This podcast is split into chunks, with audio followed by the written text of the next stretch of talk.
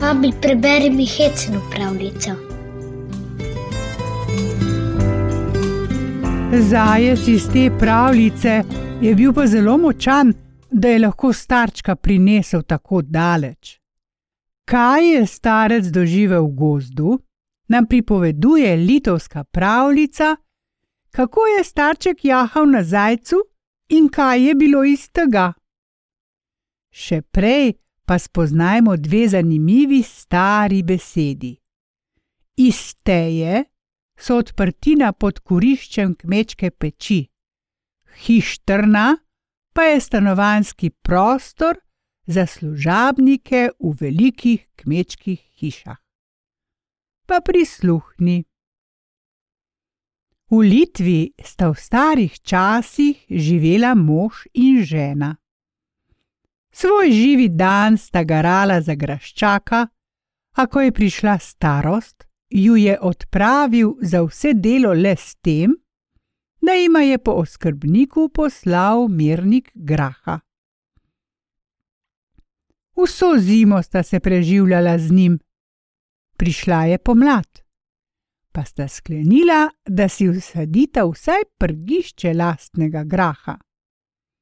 Svojega sveta nista imela in tudi njuna kočica je stala na graščakovem. Starka je zato izgrebla pepel iz peči, namočila prgišče graha in ga posadila v pepel pod istejami. In lejte, drugim grah, čeprav je posajen v prst, večkrat ne uskali, tu pa ni minil teden, ko so že pokukale zelene kali iz pepela. Starka je dobro poskrbela za svoj grah. Zalivala ga je, plela in ga privezovala k količkom. Kar k malu so se na grahu napeli tudi zeleni stroki. Tedaj pa sta starec in starka opazila, da ima hodi po noči nekdo grah krast. Vsak dan sta pogrešila kak strok. Sklenila sta, da bosta zasačila tatu. Tri noči nista zatisnila očesa in lej, izsledila sta ga. Siv zajček je hodil krast njun grah. Starček je dejal starki: Veš, nocoj se bom skril z vrečo za vrata, ti pa vzemi šibo in ko pride ta tič, pošteno lopni po njem. Zajec jo bo ubral k vratom in skočil v vrečo. Rečeno, storjeno. Komaj se je zmračilo, se je že pritihotapil tatinski zajček. Šinil je skozi vrata, pa hajdi v grah. Tedaj pa starka, švrk, švrk. Zajček se prestraši, plane k vratom a ne v vrečo, temveč starčku med noge. Ta ga je stisnil s koleni in zajec ga je odnesel po poti proti gozdu. Starček je jezdil zajca in od strahu kričal. Tedajci se je s kamižolo ujel na vejo in telebnil na tla. Zajec pa je skok, skok, skok, šinil med grmičevje in ga ni bilo več. Starec je vstal, se otipal, ali ima še cele kosti, in zavil proti domu. Po noči pa dotlej ni bil še nikoli v gozdu. Hodil in taval je okoli in enadoma zagledal čudno reč. Po gozdni stezi sta dva tovkača tovkla drug ob drugega. Tik tak, tik tak, naj zapleše z nami vsak. Tik tak, tik tak, naj zapleše z nami vsak. Starček je brž utaknil tovkača v vrečo in stopil dalje. Lej, že je opazil dvoje gosli pod brezo.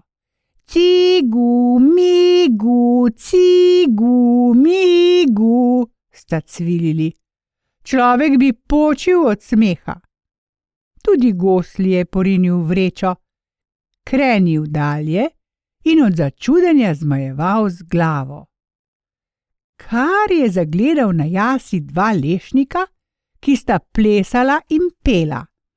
Tinka, tonka, tinka, tonka, ples na ples, vzdan do konca in še vmes. Starček se ni mogel več premagati, na vse glas se je zasmejal in tudi lešnika pobral. Ozoril se je naokoli. Gost mu je bil popolnoma neznan, brško ne je zašel. Da bi se vrnil, mu ni kazalo, bil je že predaleč. Pred njim pa se je gost nekako redčil. Ne mara bom prišel do kakega bivališča, si je dejal. Rad bi se vsaj vode napil, usta so se mi odžeje kar osušila. Odpravil se je dalje. Šel je in šel in prišel do roba gozda. Pogledal je in opazil na griču hišo stebri. Graščina ali kaj? Slabo je to, je pomislil starec. A kaj, v hištrno stopim, ne mara mi graščinski posli, ne bodo odrekli požirka vode. Grajski so ga spustili v poselsko izbo, ga skrivaj nasitili in napojili, boječ se, da bi ga ne videl oskrbnik. Starec se jim je zahvalil in sklenil, da jim poplača pogoščenje. Stresel je iz vreče tovkača, gosli in par lešnikov. Začelo se je bombnanje, cigu miganje in ples.